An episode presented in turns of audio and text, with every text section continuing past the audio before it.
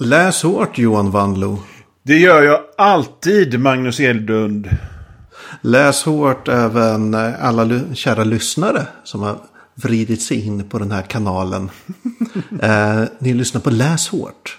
Kanske den främsta, smartaste och snyggaste litteraturpodcasten som existerar i norra Europa just nu. Jag kan inte tänka mig att det finns någon annan litteraturpodcast som har så mycket bara ren...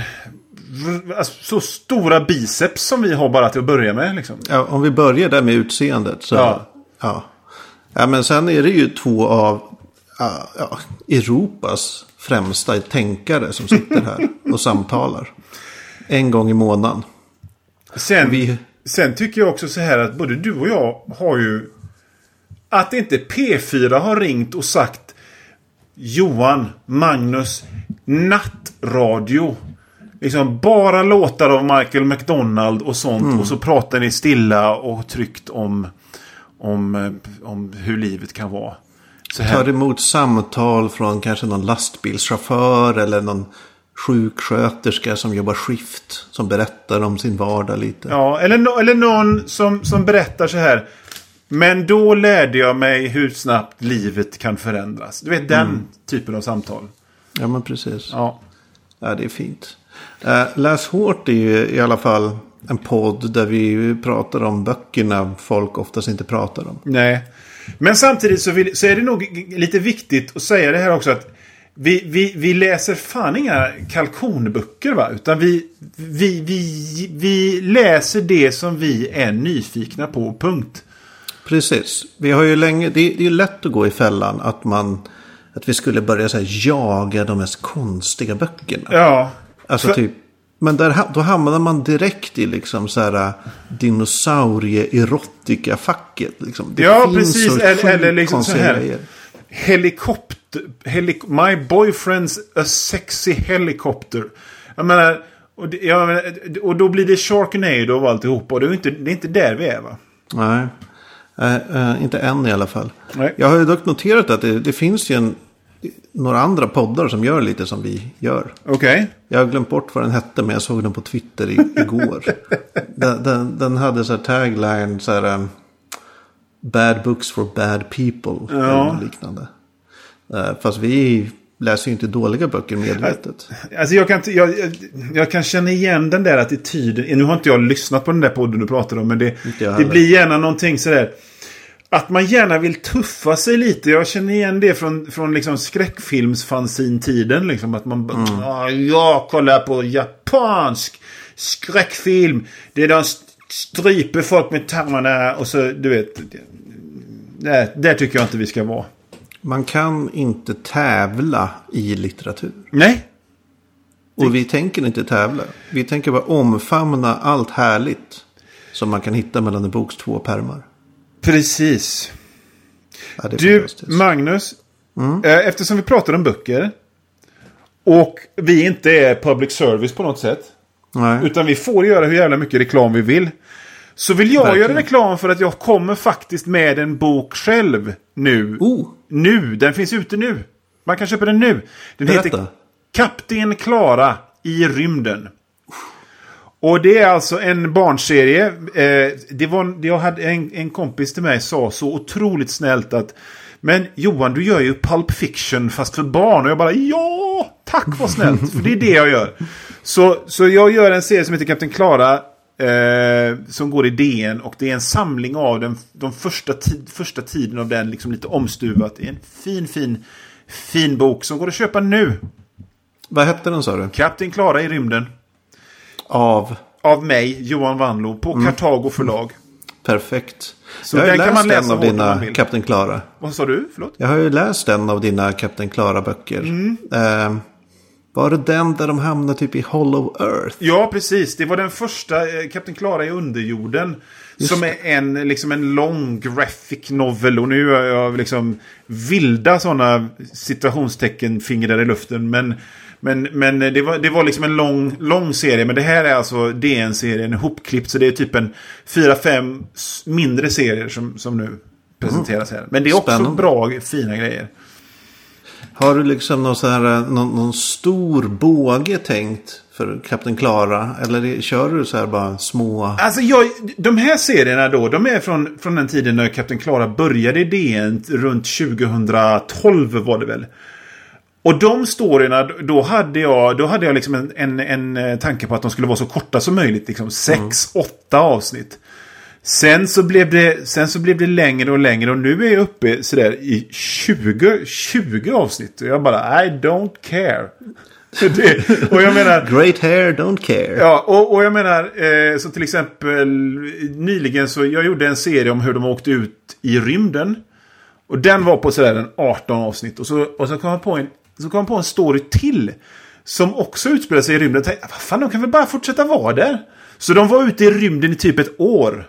Shit. Så nu kör jag mycket mer sådär, nästan lite Marvel-aktigt med långa arcs och grejer. Det är, det är jättehärligt och, och faktiskt ha släppt lös på det där. Så att, Ja, det kan jag tänka mig. Det låter fantastiskt. Ja, jag har ju ingen bok på gång, tyvärr. Jag har ju funderat på att eh, själv publicera en gammal diktsamling jag har liggande på här, Amazon. Okej. Eh, men jag jag har inte fattat deras Kindle-ladda upp-verktyg riktigt än. Så jag bara, ah, orkar inte. Det är riktigt dålig poesi. riktigt, riktigt Men, dålig. men, men du, sk- skulle du inte kunna göra så här... Eh, eh, göra någon slags skiva eller någonting och lägga på Spotify. Men det är så här sakta jazzmusik. Och så läser du. Kvinnan. Och vinet. Biljard. Kön. Nej, jag vet inte. Men något sånt. Jag skulle gärna göra det. Det sjukaste på Spotify som jag upptäckte ganska nyligen. Jag vet inte, det var någon på, kan det vara Twitter eller något som tipsade om det. Det finns typ ett, en, ett album som heter eh, Tysta minuter vi minns. Och så är det typ åtta spår. Varje spår är en minut långt. Det första heter typ så här 11 september-attacken. Och, och så är det bara en tyst minut, lite brus. Så. Och så är det nästa så här, mordet på Olof Palme. Och så är det en tyst minut. Men det, det, det låter som en, en, en kombination av konceptkonst och clickbait samtidigt. Det där, liksom Ja. Buzzfeed-humor. samtidigt som det det är väldigt fin, eh, fin gräns där. Ja, herregud. Ja, det är det. Shit. Du, eh, har, har du läst något bra sen sist, Magnus? Alltså, eh, ja, det har jag.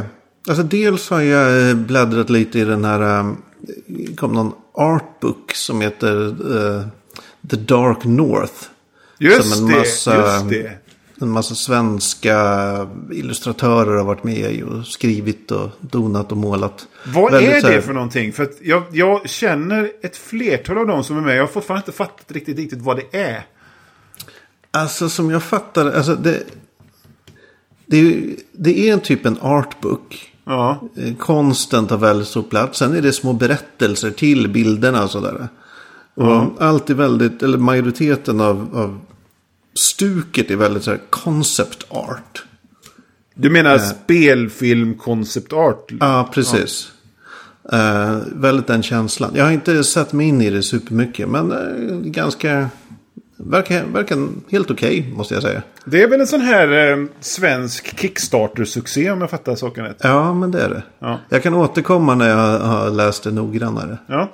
Men, men sen har jag ju framförallt eh, läst eh, Stephen Kings Dark Tower. Fortsatt på den. Fortsatt, jag är inne på eh, bok 5. The Wolves of the Kalla. Någonting sånt. Och eh, fortsatt eh, intressant, fortsatt konstigt, fortsatt väldigt, väldigt... Alltså hela bok 4 eh, som hette Wizard and Glass var i princip en, en flashback. Okej. Som handlade om typ huvudpersonens ungdom. Där han skickades ut med några kompisar. Typ bort hemifrån för de hade ställt till trubbel.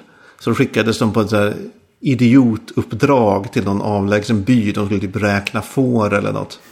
Och givetvis upptäcker de att något är fara och färde i den här byn. Okej. Så här väldigt, eh, alltså ren western skulle jag säga. Okej. He, alltså verkligen så här, de... Ja, revolvermän och du vet, Jag måste skumma sheriffer detta, alltså. och grejer. Jag känner att jag måste läsa detta. Detta låter verkar ju faktiskt jättebra. Jag förstår inte varför jag inte har läst det tidigare. Ja, men jag tycker du ska göra det.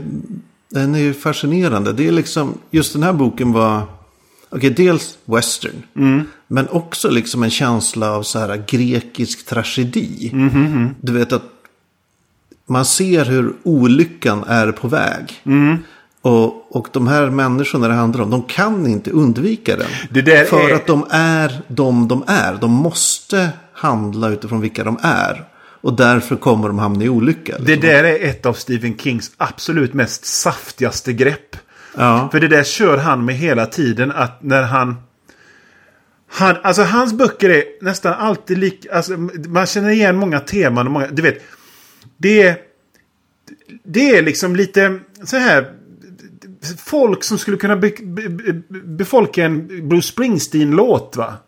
De går till sina jobb och, de, där, och det är liksom lite mysigt. Och, och, och, och så, så, så slänger han in en mening på sidan 50. någon- Någonting där man fattar att det kommer att gå åt helvete. Liksom.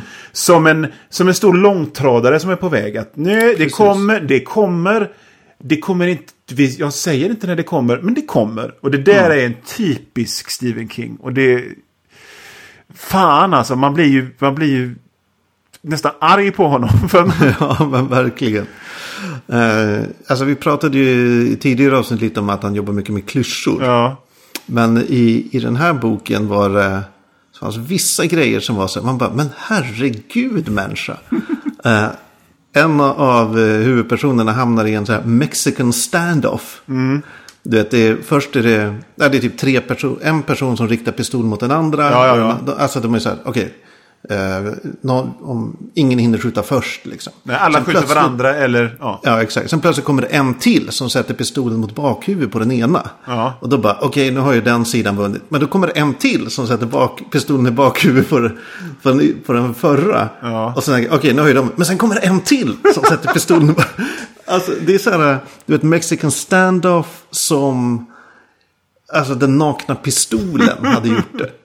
Men det görs helt, det ska inte vara roligt. Alltså jag kan inte tänka mig att han menar att det ska vara Nej. skoj. Utan det är bara så här, ah, nu hände det här. De var så många där och de smög upp på varandra allihop. Ja, jag har tänkt mycket på westerns det sista. För jag är ju ett fan av, av westernmiljön. Liksom. Så när folk, när jag pratar med folk om att jag gillar western så kommer de alltid säga Ja men här är, här är, en, här är en western fast eh, modern. Eller här är en western som handlar om övernaturliga grejer. Och jag bara, "Nej, men jag, jag gillar western-westerns liksom. Men någonstans och det här är mer en allmän diskussion. Det här hör kanske inte till boken så mycket som att, att det, det, det, western är inte en genre så mycket som en sorts premiss. Alltså western är egentligen man mot naturen och andra män. Förstår du vad jag menar? Alltså Ja, jag det, förstår. det, det, är, det är liksom... För det första så ska huvudpersonen vara lite dum i huvudet. Alltså pers- huvudpersonen ska inte fatta farorna kring, kring en. Och sen så ska miljön vara fientlig. Och de andra människorna i storyn ska vara fientlig. Och där har vi en western. Här är ju verkligen allt fientligt. Och, och där kan man ju liksom, ur det så kan man ju bygga vad fan som helst. Och det, liksom, anledningen till att vi kom in på det här, det var ju för att jag, jag, jag hävdade att åtminstone första, alltså gamla Star Trek är så jävla en western. För, Ca- för Captain Kirk fattar inte liksom hur allvarliga farorna är, är. Utan han bara med ren hakan först och ren amerikansk macho-dumhet går, trampar i varenda klaver som finns. Och omgivningen är jättefarlig hela tiden. Och så Ja. ut i det okända. Det är Ja, en western. absolut. Och- Ersätt Enterprise med en, ett gäng cowboys som är ute och rider. Och ersätt planeterna med konstiga samhällen de Ja, stöter på. precis. Det, eller, eller liksom att Enterprise är en sån här wagon train. Mm. På väg och, på, och, och ska bosätta någonstans. Nej, jag vet inte. Jag har kollat jävligt mycket på Star Trek det sista i alla fall. Jag, bara några, jag ska inte tjata för mycket om The Dark Tower. Men jag har några saker till jag bara känner att Mm. jag behöver ta upp. Okej, ett. Eh, Alla amerikanska författare som skriver i, den här, i de här genrerna tycks förr eller senare snöa in på Trollkarlen från Oz. Ja. Wizard of Oz. Alltså att det, det kommer alltid referenser eller motiv tagna därifrån. Ja. Det är så här, det, jag kan förstå det för det är en så stor och känd barnbok som alla barn liksom växer upp med i USA. Men det är också så här, det är typ som att varenda svensk författare skulle liksom riffa på Astrid Lindgren. Och det görs, det händer liksom inte. Men ja, ja det är bara en tanke jag har. Eh, sen är det också, jag vet inte om det här är, är något typiskt Stephen Kings. Men det är ganska, händer ofta i den här boken att en av huvudpersonerna hittar ett föremål. Eller hör ett ord. Som är, kanske hittar en lök. Eller något sånt där. Ja. Sen 700 sidor senare träffar de ett monster. Som bara kan skrämmas bort med en lök. så att det, det är lite så här Kings Quest, det här gamla spelet över Att man hittar random grejer som man kommer behöva använda. Ja, men är inte det en väldigt typisk så här textäventyrsgrej? Liksom att, ja, man behöver, att, att man, det, alla sådana här konstiga grejer som man hittar måste man ha. Sen, ja. Ja, så är det verkligen. svårt att tro att Stephen King någonsin var någon större tv-spelsfan, men, eller spelfan, men, men Känns inte som det. Nej. En sista iakttagelse. Han nämner sig själv ganska ofta. okej. Alltså in, inte ofta ofta, men alltså tillräckligt många gånger för att jag ska reagera på det. Vid något tillfälle var det en person som hade sett The Shining och jämförde något med The Shining. Eh, Ett annat tillfälle, eller vid två andra tillfällen så har hans böcker varit på rea i en bokaffär där huvudpersonerna har passerat. Eh, typ så här, ja, den här, vad det nu var, kostade 75 cent, sa Stephen King. Eh, och ja, det var någon tredje som jag glömt bort här nu. Men det tycker jag är ganska intressant. Ja. Att man gör så.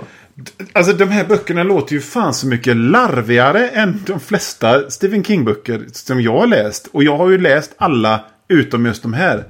För det verkar som att han verkligen är på någon slags lekhumör när han gör de här. Jag blev väldigt sugen på att läsa de här nu. Alltså det, det var någon eh, som eh, kommenterade på Facebook när jag la upp något om det här. Så här "Ja, jag, det är, jag har läst alla böcker, sa den här personen. Eh, jag kan inte avgöra om det är genialiskt eller bara trams, allting. Och jag är också lite där. Alltså, när, jag, när jag berättar om det så låter det ju helt vansinnigt. Alltså, Ja. ju- men samtidigt när jag läser det så är det riktigt, riktigt bra. men det är det- är inte så tramsigt som det låter. Nej, alltså det är det. Det, det, det är ju det som är Stephen Kings styrka. Det var det jag pratade om när jag pratade om att han hade några slags wilderness years. På 90-talet när han hade varit med om sin olycka där han skrev ett gäng jävligt konstiga böcker med helt, liksom väldigt konstiga idéer som han genomförde. Och jag kände det liksom att de här böckerna de är, de är till 70% jättebra. Men sen är det liksom det här konstiga som det inte går att mos. Men han, han genomför det i kraften av att han faktiskt har ett sånt command över berättandet liksom. Ja, nej, men nog om eh, Stephen King för det här avsnittet. Vad har du läst på sistone Johan? Jag, du, vi vet, du kommer ihåg hur vi pratade om när vi läste Pernilla Eriksson om hur, hur det var en deckare-deckare.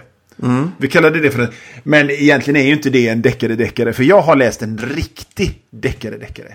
En, eh, Berätta. en bok som är från 50-talet. En svensk pusseldeckare. Eh, Död bland de döda av H.K. Rönnblom. Oj. Oh. och, och det här, åh oh, vilken salva för själen det här är. Eh, den är liksom lite, det handlar om lä, läraren Paul Kenneth. Som Paul är en- Kenneth. Paul Kenneth som är en... Är det dubbelnamn eller för och efternamn? Ja, för och efternamn. Okej. Mm. Som är en, eh, en trökig, lite dyster akademiker. Eh, ung, som tar in på ett pensionat för att skriva en avhandling. Men, men pensionatet är dystert och sorgset och fyllt av människor som är, ja de är som, de är som döda. Och, och, ehm, och där då i hans rum har någon en, en, en, en, liksom en sur och lite trökig notarie hittats död eh, strax innan han flytt, Paul Kenneth flyttar in. Och Paul Kenneth börjar ana oråd att denna person blev mördad. Så att han nystar upp det här. Och det är alltså en traditionell svensk pusseldeckare. Där nästan ingenting händer. Men den är... Håkon Rundblom var, om man... Om man eh, alltså det fanns ju...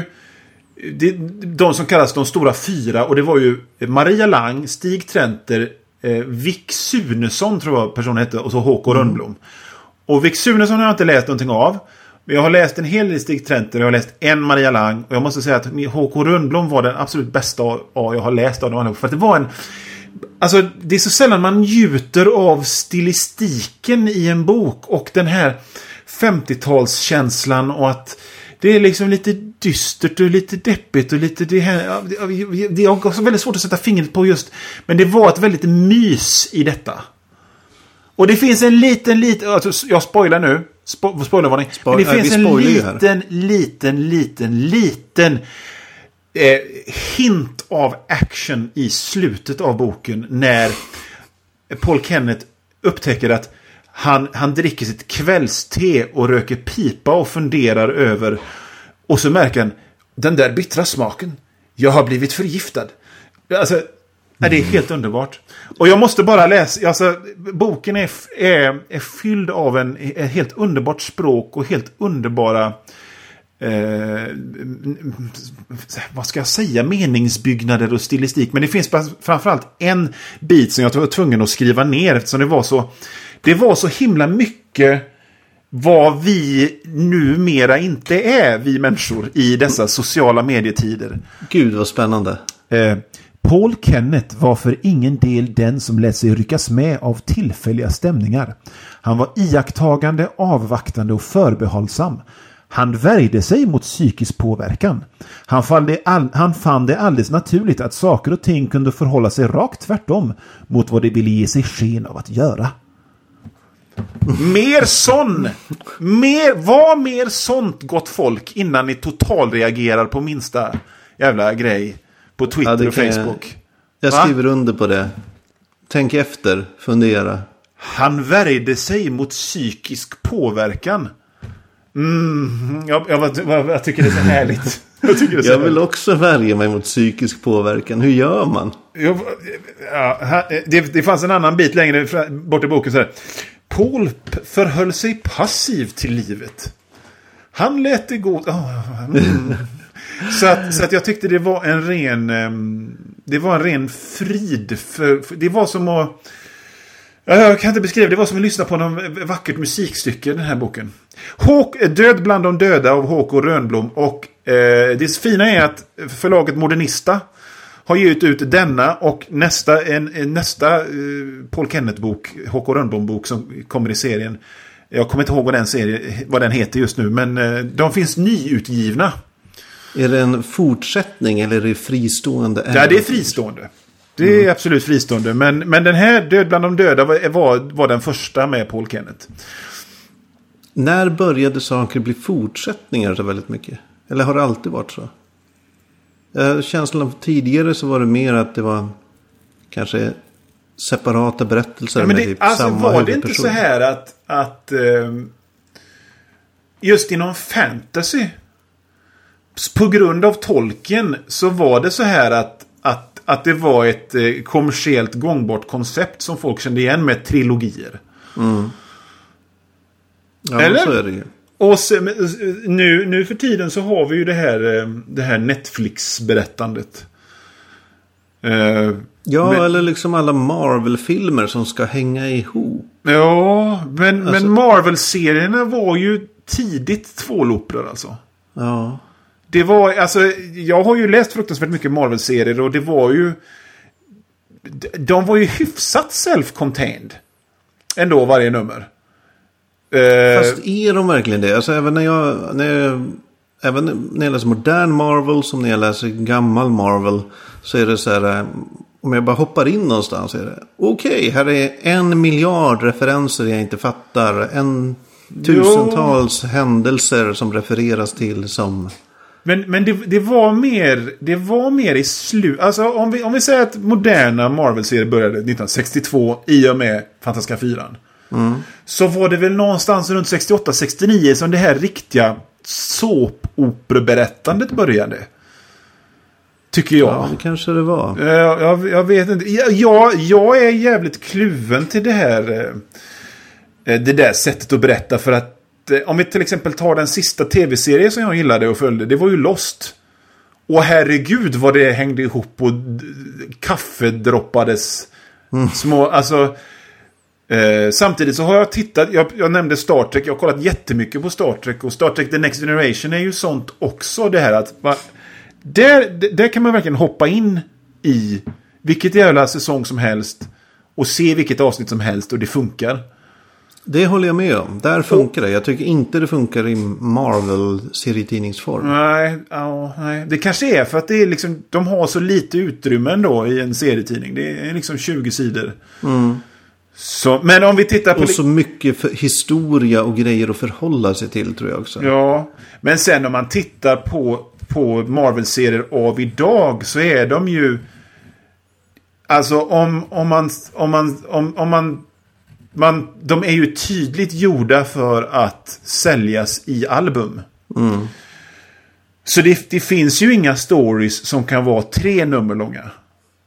De måste vara sex för att det är liksom det minsta antalet som man kan göra en trade paperback av. Just det. Och, och någonting som är ganska vanligt det är ju att de, de är 12 nummer långa. Så att det blir två trade paperbacks. Ja, så att, eh... Kapitalismen är allt jag har att säga om det. Men då ska vi gå vidare till kvällens huvudnummer. Ja! Det har vi nästan glömt. The Con Season alltså. av Ad Adam Cesare. The Con Season. Och jag, jag valde den var... för att jag, jag har läst en bok av Adam Cesare förut. Eh, som, jag, som inte lämnar något större intryck. Och så följer jag Adam Cesare på Twitter och så skrev han så här. Nu är min nya bok kommit, köp den. Och så, ja ja, okej okay då. Så tittar jag på den och säger, ja men det ska bli nästa Läs hårt-bok. Mm. Så gjorde jag. Bra tänkt. Och kan du, ska, ska du eller jag berätta lite om vad den handlar om? Sammanfatta det. Det handlar om en föredettings Scream Queen. Som reser runt på olika sådana här deppiga eh, konvent och skriver autografer. Eh, ihop med sin lite hunsade manager. Mm. Eh, som får ett erbjudande hon inte kan säga nej till, till att medverka på en kon ute i någon slags skog ihop med massa andra sådana här föredettingar.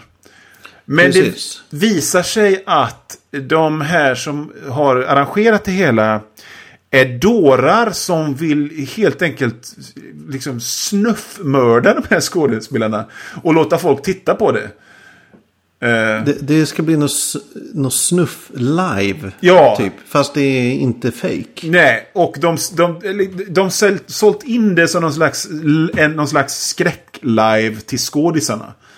Men för de som har betalat för att komma dit och titta på, på det hela så har de sålt in det som snuff. De ska mm. få se de här mördas på riktigt. På riktigt. Ja, och det är bokens, och det, det tyckte jag var en ganska läcker premiss. Så att det var också en grej som drog tyckte jag. Ja, den var helt lagom uh, osannolik för mm. att man ska gilla den.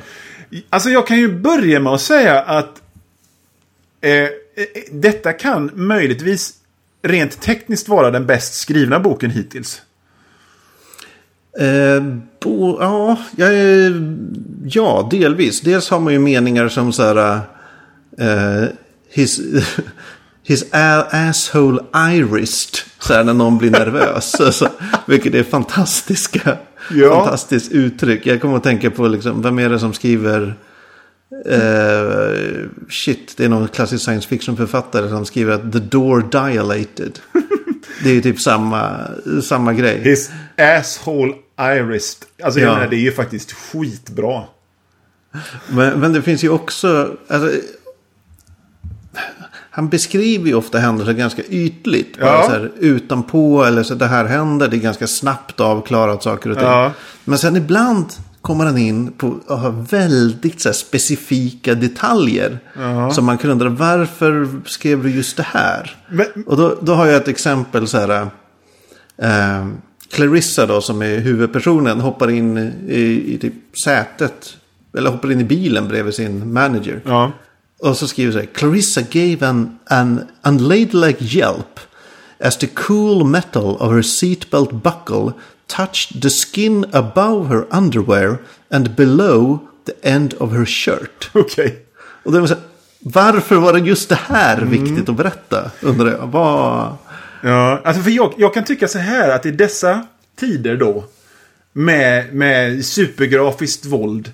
Så går den här boken tillbaka ett steg och blir liksom lite mer matter of fact. Liksom. De skriver så här. De slängde honom i väggen så han dog. Punkt.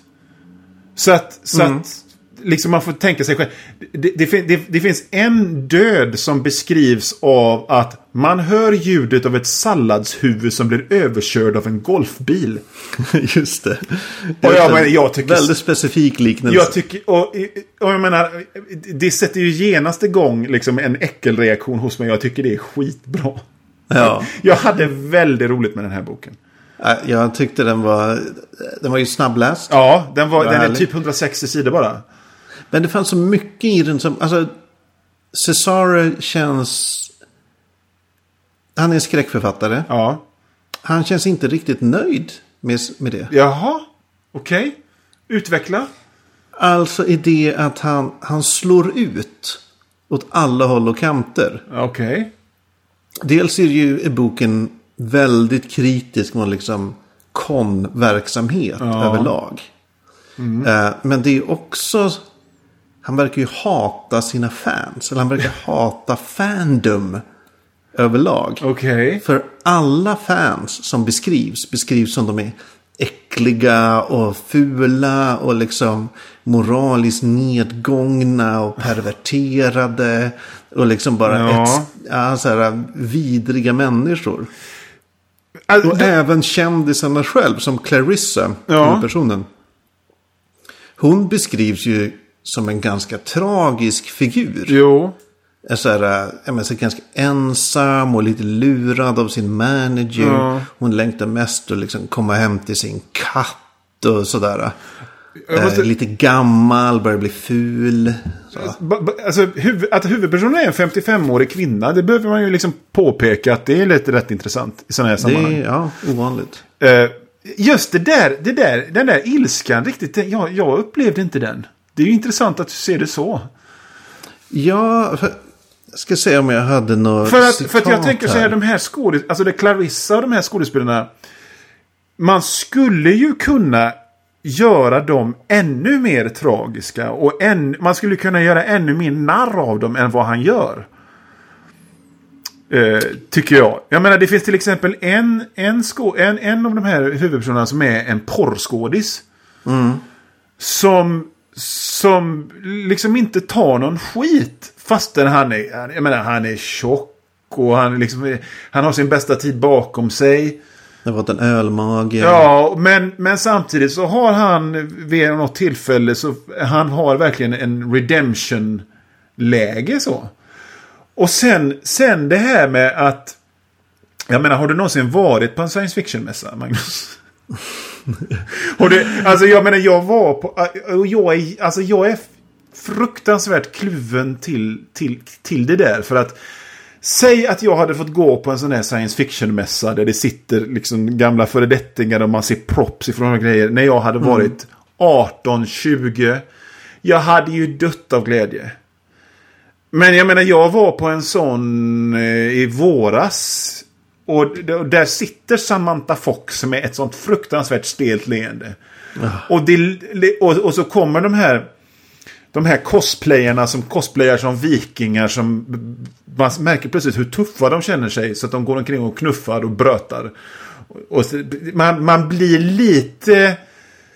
Samtidigt som man känner det här är mina människor, åh vad härligt det är, så blir man lite äcklad och liksom lite sådär... "Åh."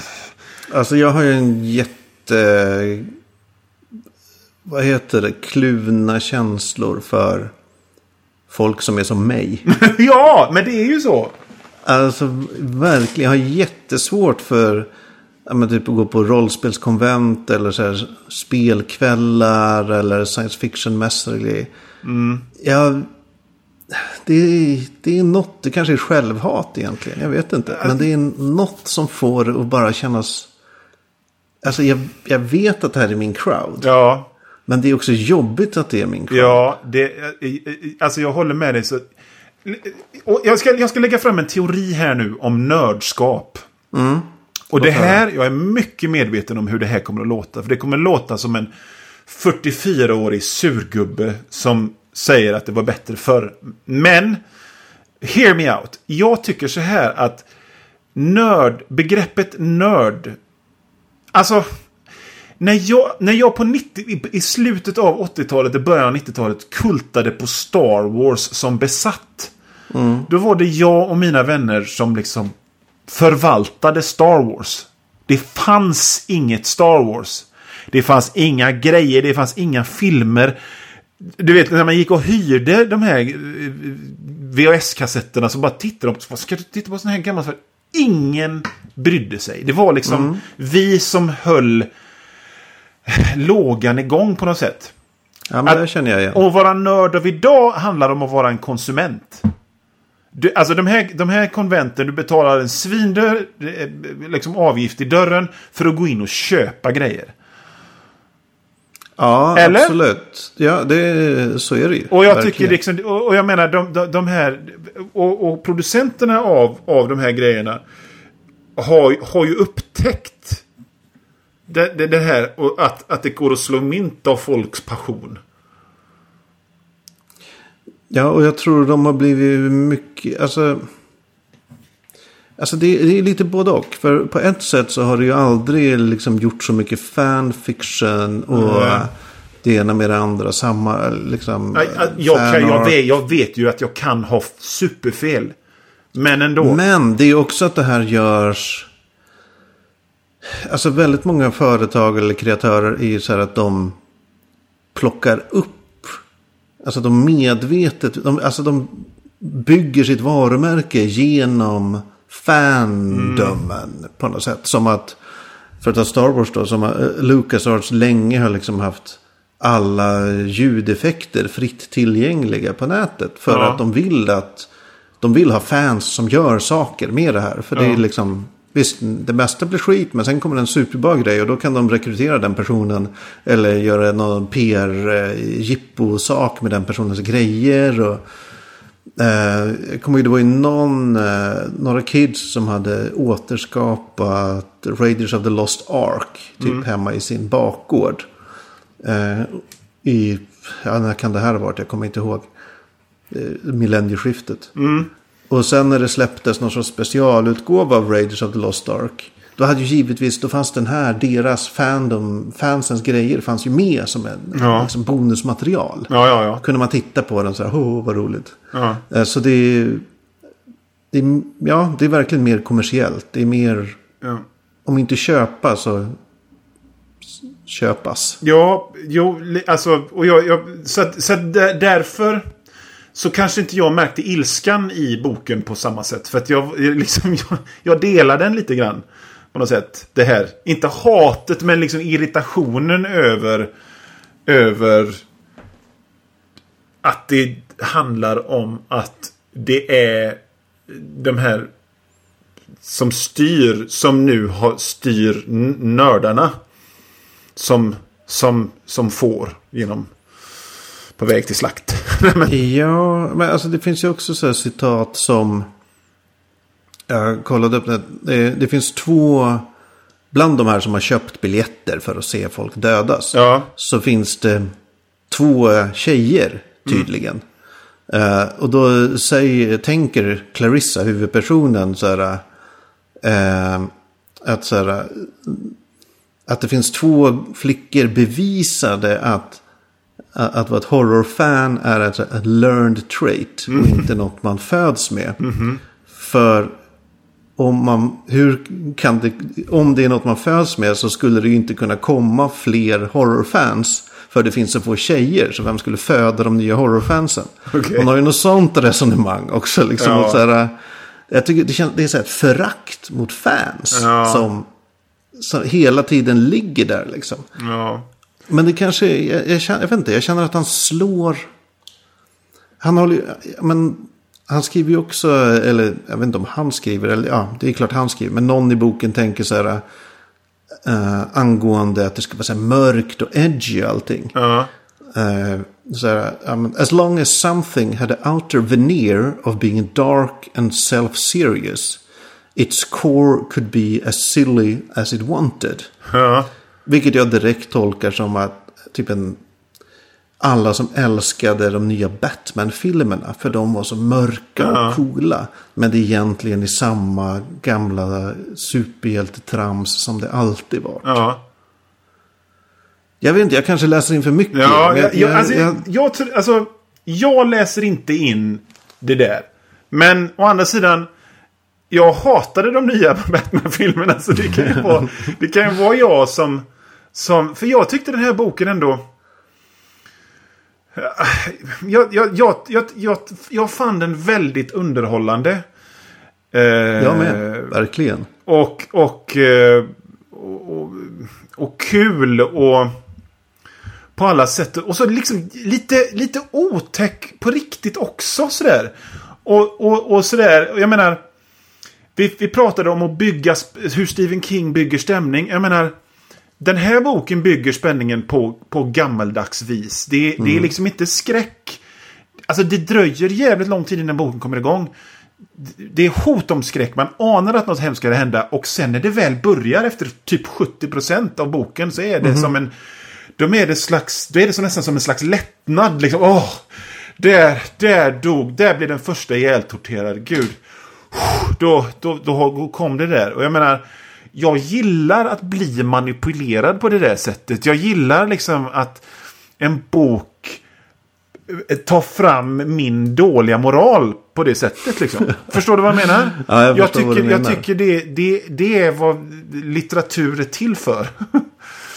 Bland annat så tycker jag liksom Ja. att, att, att det, och framförallt skräcklitteratur, ska visa på liksom så här, Nja, vad tycker du det här? Här har vi både våld och sex och så möker vi ihop det. Vad- Hur känns det? det?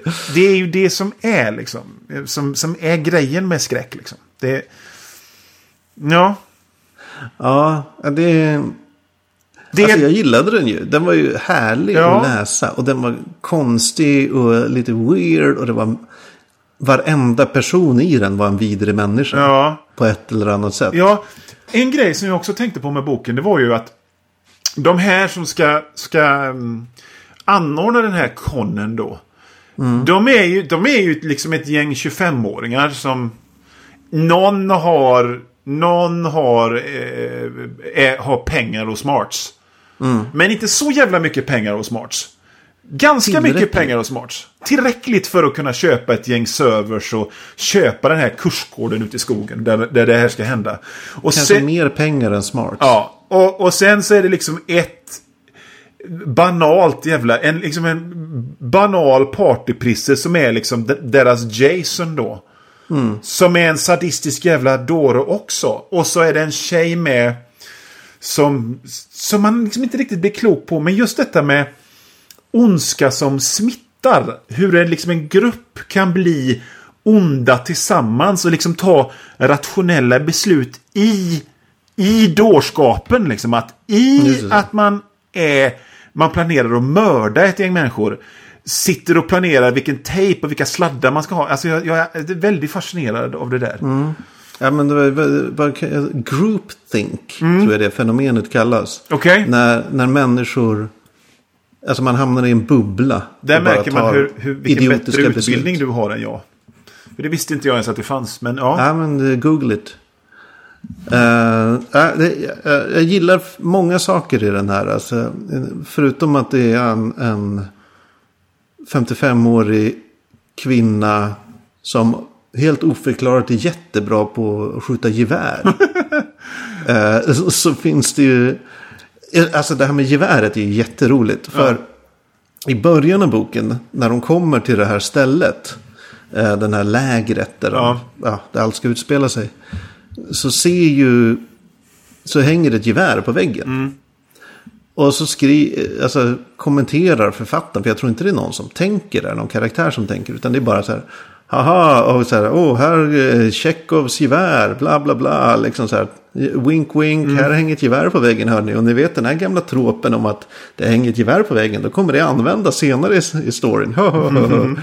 Alltså så här supermeta-inlägg plötsligt, som Ja. sen 50 sidor senare eller 70 sidor senare så står hon där och, och skjuter med det där geväret. Ja.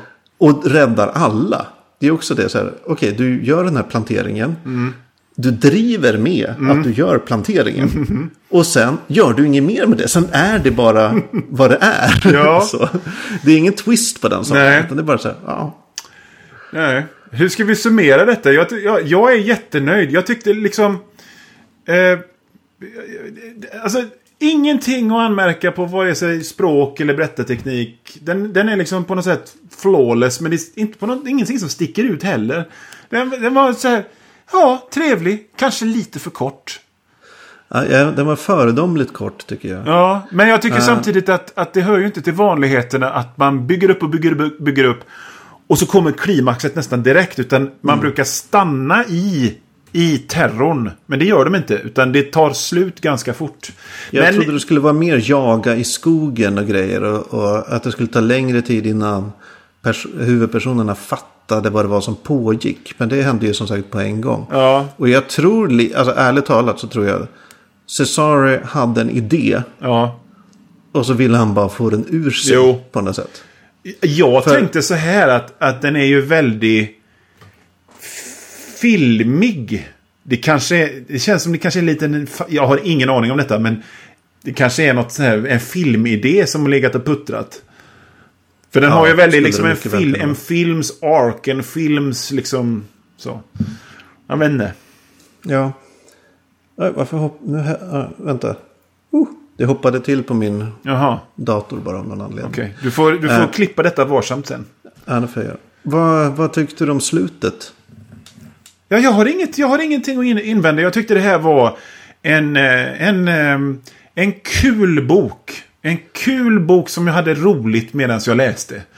Punkt slut. Eh, faktiskt, jag, jag, jag måste säga att det kan vara en av de...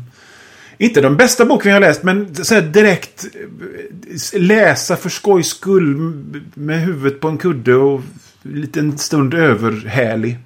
Absolut. Ja. Jag, jag gillade dock inte slutet. Okej. Alltså det absolut sista slutet. Nähä? Där den här tjejen som hade varit en del av mördarna lyckats få alla att tro att hon inte var en del av mördarna utan att hon var ett offer. Så sitter de på bussen. Det här är ju som sagt superspoilers men vi spoilar saker här. Ja. Ja. Så hårt. Det borde ni veta vid det här laget. Ja. Hon sitter på bussen. De är på väg därifrån. Och så tänker hon. Hmm. Eh, ska jag mörda dem? Och fortsätta det här, den här bra idén med mördarkollo nästa år? Ja. Eller ska jag eh, spela offret och bli rik på att sälja bok och filmrättigheter på mina upplevelser? Okej. Och så slutar det med Hmm, vad ska jag göra? The end. Men det, det var väl ganska läckert. Ja, men så, Det är inte det. Det, är ju så jävla terror på sätt. en street det kan bli liksom. ja, ja, jag uppskattade, den delen uppskattade jag inte. Det är lite som... Det, det är lite som I just called to say I love you-låten. Som är, som är en bra låt fram till slutet och det. Cha cha cha. Man bara ah! Det var nog den mest långsökta koppling jag någonsin har dragit. Ja, ja. Väldigt långsökt, ja. Herregud. Eh, Ja, nej, men jag gillade den jättemycket. Den var rolig att läsa. Eh, Jag kanske läste in mer i den än vad du gjorde. Ja, jag tror nog du gjorde det. Och det kan ha lite grann med att göra att jag ändå i botten är ett skräckfan som har läst massa skräckfilmstidningar och liksom varit en del av den subkulturen lite grann. Så att jag är liksom lite mer marinerad i den. Jag tror det kan vara det lite. Kan vara. Men alltså den här... Att hela allt som har med kon och fans att göra skildrades ju så jävla sunkigt. Att det bara var tragiskt. Alltså kändisarna var tragiska, arrangörerna var tragiska, fansen som var där var tragiska. Det var liksom bara Ja, skuggmänniskor. jo. Ja, Ja, jag vet inte. Men eh, det var en rolig läsning. Ja, det, det var väl huvudsaken. Verkligen. Nu vill jag veta vad du har valt för bok tills nästa avsnitt. Eh, det ska du få veta. All, alltså kanske till och med nu de närmsta sekunderna. Men jag tänkte börja. Eh, om vi säger så här. Jag kommer läsa upp två taglines. Okej, okej, den här okej. boken har fått. Åh, gud vad roligt. Ja, eh, hot rods and high magic rules. Okej, det var den första. Okej. Och så den andra. Hot cars, fast elves and rock and roll. Okej. Eh, vi ska läsa en bok som heter Born to Run. Som är skriven av Mercedes Lackey och Larry Dixon. Okej. Det är den första delen av två i vad som kallas The Chrome Cycle. Okej. Först tänkte jag att vi skulle läsa båda delarna, men det är lite överdrivet. Ja. Eh, jag, har- jag har läst en hel del Mercedes Lackey. Hon Jag känner igen väldigt- namnet. Hon har skrivit väldigt mycket så här... Um, alltså, en specifik typ av fantasy jag inte kan sätta ordet på riktigt. Så, En, lång serie om landet Va- Valdemar, typ. Eh, väldigt speciell, väldigt eh, konstig och hippieaktig fantasy. Ja. Men det här är ju tydligen utspelar sig i vår värld. Och det, det handlar om bilar, det handlar om magi, det handlar om alver. Och det handlar typ om någon snubbe som blir kär, verkar det vara. Eh, Men du, jag, jag ser nu omslaget. ja, Det ser ju helt fantastiskt ut. beskriv det. Det, det, för det första, det ser ju ut som så här som pocketböcker såg ut när jag köpte det som tonåring. Med airbrushade omslag och pufftryck. I helt magiska eh, typsnitt. Det ser ju så ut. Liksom jag, ser, jag ser någon tjej i någon röd klänning och så är det bilar i bakgrunden och så står det Born to Run. Och så är det liksom fartsträck i Run. Run. Det går Det- väldigt snabbt när du run. Skitbra. Du vet väl om att, att eh, den omskrivna Bruce Springsteens nya självbiografi också heter Born to Run. Den är släppt i dagarna. Okej, vi ska inte läsa Bruce Springsteens självbiografi. Utan den här boken av Mercedes Lackey och Larry Dixon. Ja, det ska Men, bli kul. eh, en viktig, in, viktig information för lyssnarna. Ja. Eh, Born to Run säljs inte längre för sig. Utan man får köpa den tillsammans med sin uppföljare i en bok som heter The Chromeborn. Okej. Eh, det är liksom två böcker i samma pocket. Eh, så det, det kan vara viktigt. Men vi läser bara den första av dem. Okej. Så eh, ja, den finns på Adlibris, heter The Chromeborn. Finns säkert som e-bok någonstans också. Jag har inte riktigt... eh, ja, den borde finnas. Ja. Ja. Jag ser fram emot denna upplevelse. ja, jag med. Det kommer bli väldigt spännande. Och eh, tills dess så tycker jag att du, Magnus, och alla som lyssnar ska läsa hårt!